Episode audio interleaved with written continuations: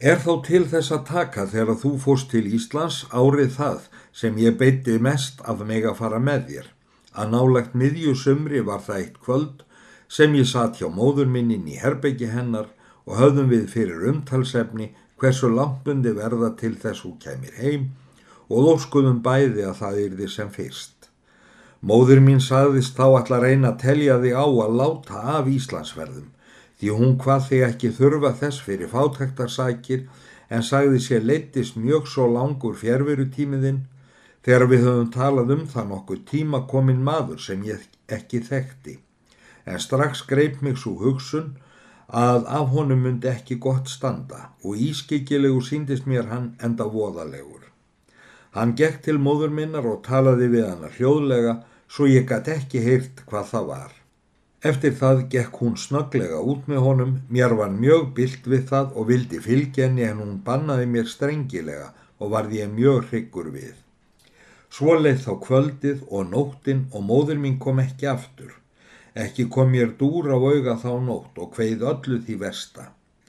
Næsta dag þar á ettir var leitað en eins og þér kunnugt kom það fyrir ekki. Ég let sem minnst á mér bera því að ég sá hversu vinnukona ykkar bar sig umkunnalega. Var mér það lítil hugfró og er þó grunur að hún hafi borist ennu vera af ef ég hefði ekki hert mig upp eins og ég þó gjörði. Samt var mér ómulegt að haldast við heima og vita ekkert um hægi móður minnar og var þó döðin miklu kærari en að lifa í þeirri óvissu. Ég laumaðist því í burtu um nótt ánþess þó að taka neitt annað með mér en skambissu mína og ráfaði ég víða svo einmann og bjargalös út í skógin án þess að vita hvert ég fór eður hvað við myndi taka. Ekki mann ég gjörla hversu lengi ég flæktist í þessu ráðaleysi þar til ég vald út af örmagna, þreitu, hungri og svefni.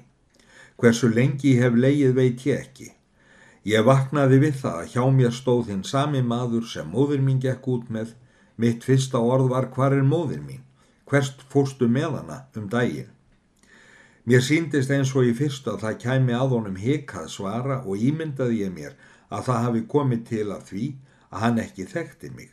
Þar hann var um kvöldið veitti mér litla eftirtekt en ég honum því meiri. Innan stundar svarar hann þó, móðir þín er hér skamt frá og skal ég fylgja þér til hennar. Því varði ég fegin og bauð þó við að þykja það af honum en nú var ekki á öðrum mannlegum leiðtoga völ. Svo var ég þá magþróta að ég var því fegin að hann leiti mig. Við gengum þannig að mér fannst langan veg til þess hann sagði mér að býða sín litla stund. Hann var nokkuð tíma í burtu þanga til hann kom og leiti mig enn þá til þess að fyrir okkur var hellir eður klettagjá. Kom mér þá til hugar að ég hefði heilt talað um ræningjabæli og því síndist mér þetta líka. Var ég nú sannfærður um að hann hefði flutt mig til stigamanna og bjóst því við afarkostum einum en engu góðu og það var mér auðráðing áta að móður mín hefði verið svikinn í hendur þeirra. Ég ásetti mér því að láta engan bilbug á mér finna þar eða ég ímyndaði mér að ég hefði helst gæti sloppið hjá mistyrmingum. Ímislega auðæfi sá ég þar inni og var fljótlega auðséð að þetta var herfangaræningja. Ekki vissi ég hversu margi þessi bóvar voru en það sá ég að í það sinn var þar ekki stór flokkur saman komin. Harla ólíkir síndust mér þeir útlits. Sumir voru laglegir menn, þýðlegir og gladlegir en enga megin líkir fyrir það að þeir hefðu alið allan aldur sinn út í skóum og lifað af stuldi og ránum.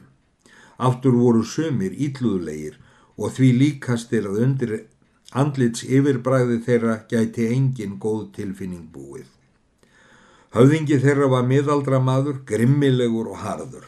Það síndist mér að þeir myndu veita honum ótakmarkaða hlýðni. Mér var gefin matur og drikkur og var það þörf mín, en ekki rólegir geðsmunir eður aðrar kringumstæður sem gjörðu það að ég gatt þegið. Þess var ég var að hann sem fyldi mér til ræningjana átti einslega tal við fyrirliðan og fekk hjá honum peninga. Hver mikið vissi ég ekki en það þóttist ég skilja að höfðingin borgaði fyrir mig og gatt þó ekki ímynda mér að ég væri honum nokkur fengur. Eftir það fór sveikarinn og hef ég, þrátt fyrir allar tilrunni mínar, aldrei geta fundið hann síðan. Ég var nokkra daga með ræningjónum svo ég varð einskis vísari um forlög móður minnar en ekki þorði ég eins að spurja þar að lútandi. Sterk aðgæsla var höfð á mér svo ég fekk aldrei að ganga út eður inn án þess að einhver fyldi mér og ekkert tækifæri fekki til að kynna mér hýbilið þeirra. Eitt dag varði ég þess var að þeir heldur ástefnu og skildi ég að þeim var andum að ég fengi ekkert um það að vita því þá var ég hvað nákvæmast vaktaður. Að áliðnum degi var þingið þeirra slitið og sá ég að fyrirliðin var reyður mjög en nokkrir að hinum síndust mér alvarlegri en ég hafði séð á. Littlu setna heyrði ég skot rétt hjá spellverkjabælinu en vissi ekki hvað það hafði að þýða. Mér kom það helst í hug að það skotið var ekki nema eitt, að þar hefði verið fullnægt döðadómi eður þó réttar að orði kveðið framið morð, en þarum þurfti ég ekki lengi að vera í Eva því einn af ræningjónum kom litlu síðar inn og bar í fangi sínum hvernmanns fatnað. Ég vona fadir minn saði Arilíus nokkuð kuldalega að þú ekki látið þér nú bregða meir við þessa sögu mína en mér brá við að sjá þó ekki nefn átt að vetra gömlu barninu. Ég þekkti að þetta voru född móður minnað nokkuð blóðug. Þar þagnaði Arilíus og horfi stundakorn á föður sinn og sá ég honum ekki bregða. Eftir það hjælt hann áfram sögu sinni. Mér vildi það til að ég gætt hlifti mig hörku því strax sem ég fekk grunum morðið ásett ég mér að gugna ekki heldur taka með karlmennsku hverju því sem að handum bæri. Áður en það sem hvað fastast batt hugminn við lífið að leita móður minnar en nú var það að hefna hennar því mér fannst alveg óhugsandi að ég mætti deyja áður en það væri gjört.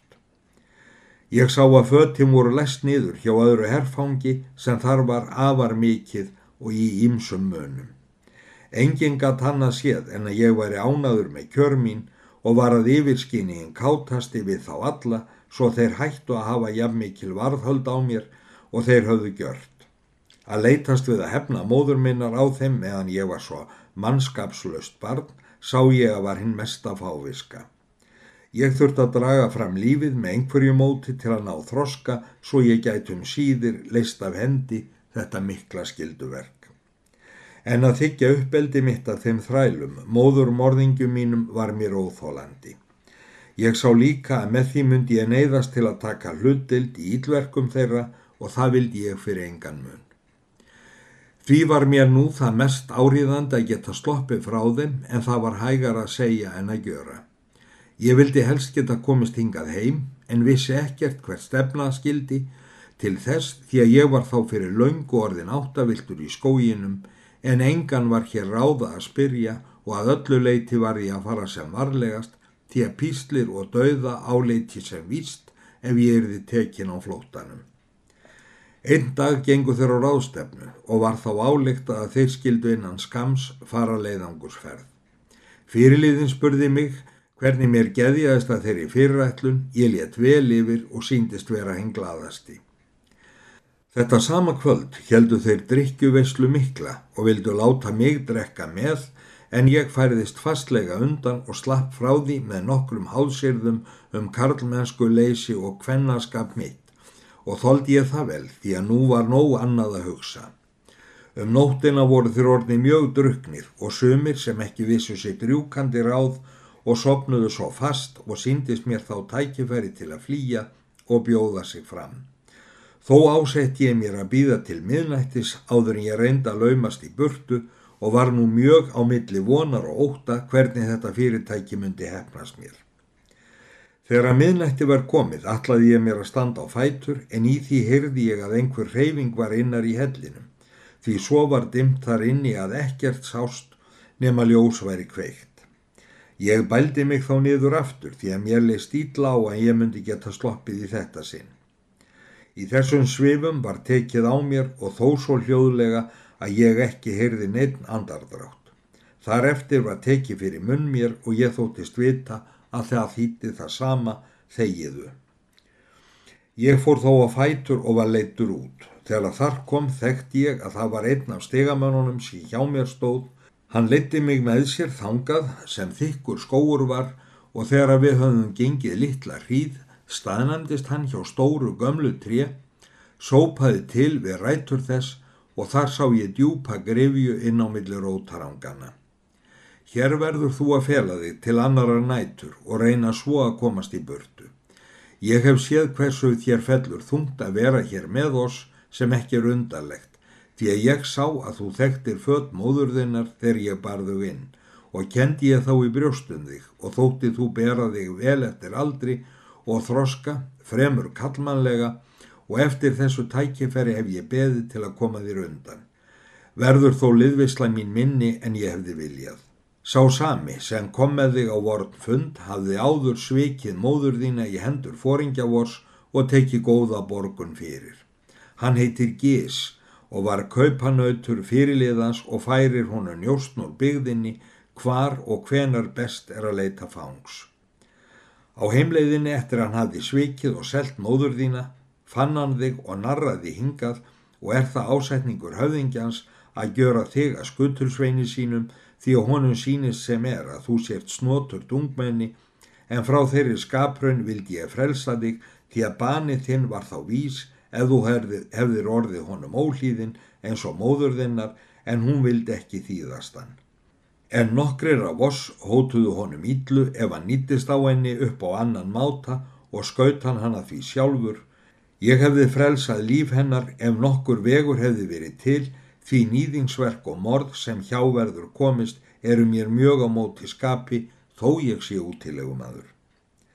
Þarna hefur þú svo að þú getur keift þér máltíð ef þú nær til byggðasaðan og fekk með sjóð ekki lítinn. Þess bygg ég þig að þú í næstu sex ár ekki opimberi samastað vorn. Eftir þann tíma hyrði ég ekki hvað því líður. Þar ég að öllum líkindum á því tímabili yfirgef þessa ekki síður en heiðarlega stöðu með nokkrum sem mér vilja fylgja. Ekki máttu hræra því hérðan fyrir ég hef tiltekið því á morgum verður þín leitað og skal ég reyna að villa fyrir. Eftir það sópaðan mosa og afföllnu laufi að grefju opinu og hljópi burtu.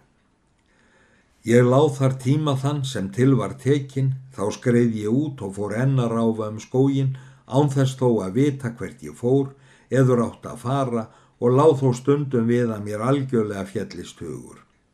Líka óttaðist ég að ég kynna að ganga í greipa ræningjana óvörum og vissi þá ekki lág annað en döðin fyrir. Um síðir kom ég fram úr skóginum og í stóttur jóður, þar sá ég standa hús lítið en snoturt en þá ég var þjakaður að þreitu og sulti og svebleysi og fyrir þá sög mjög kært að finna mannabyggð. Ég gekk þá heima húsinu án þess að hugsa nokkuð um hvort þar var vinum eður óvinum að mæta.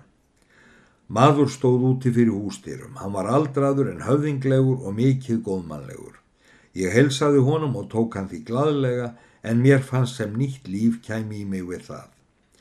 Það sé ég að þú muni vera þreyttur sveitn og þurfa kvildar og líklega annar en meiri hjúkrunar við.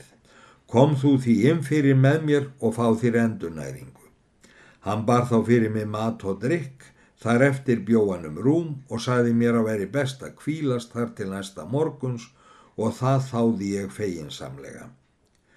Þegar ég vaknað aftur kom hann til mín með hennu sama blíða viðmóti og veitti mér þá enn besta beina.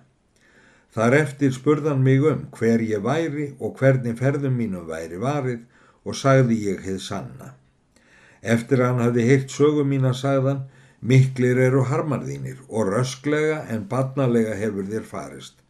Þú hefur kempu hug með bass fyrirhyggju og var það mikil gæfa að þú slafst úr ílvirkja höndum með lífi. Lofur þitt að hefna móður þinnar þykir mér bæði gott og drengilegt ef þú aðeins býður þess tíma að þú eblist að þroska og hyggjendum því að hugdirsku hefur þú þegar fengið. Nú er það tilbóð mitt að þú dveljir hér hjá mér fyrstum sinn, skal þig ekki skorta það sem þú þart að hafa. Svo getur þú fengið tilsögn í heræfingum því að ég þykist þar í nokkuð fær. Fyrir þér likur að svo stöldu hvort sem er ekki annað en rakningur og verður líklega framförð þín með því móti ekki vænleg til móðurhendana. Þessu góða bóði tók ég með þökkum og var hjá hinnu meðalinda mannvinni tæp tíu ár og var hann mér ávalt sem góður faðir. Hann vandi mig við skot og skotfimi, nokkuð sagðan mér til í herstjórn því á yngri árum sínum hafði hann verið yfirmaðu við herin og sannaði hann þá sögu með kunnáttu sinni. Þennan góða mann þarf ég að sjá, því að fáum á ég meiri velgjörðir að þakka, saði Magnús og stóð upp. Þess að nú ekki lengur kostur faðin minn, því að, að nú verð og miður. Við því var heldur ekki að búast á forlaugin væri mér svo eftirlát. Þau hafa gjort svo mikið fyrir mig að gefa mér þig aftur heilan á húfi. Velgjörðamaðu minn sagði mér svo frá tók Arelius aftur til máls að hann hefði hægt herþjónustu fyrir aldursakir en einsett hefði hann sér sökum ástvinna missis og öfundarmanna sem ekki létu hann óoreittan að hann vildi þó ekki segja mér meira um það. Barlaus sagðist hann vera en talsvert ríkur, einnig hafa árlega eftirlaun. Þótt hann hefði tekið sér bústaðsson og afveiknum stað Þá var langt frá því að hann hataði umgengni við menn því eimsir göfugir menn heimsóttu hann yðurlega. Nú fyrir rúmu ári tók svo döðin þennan treyðar ástvinn minn frá mér eftir það hann hafði alið mig upp, kent mér það sem ég reið mest á sem voru trúabröð mín því hann let sér mjög antum að innræta mér þau á samt digð og siðpríði þar næst stríðsaðferð svo ég yrði því hæfari til að framkvæma það sem ég áleit hérna helgustu skildu mína sem var að hefna móður minnar en að síðustu gaf hann mér eftir sig allar eigur sínar.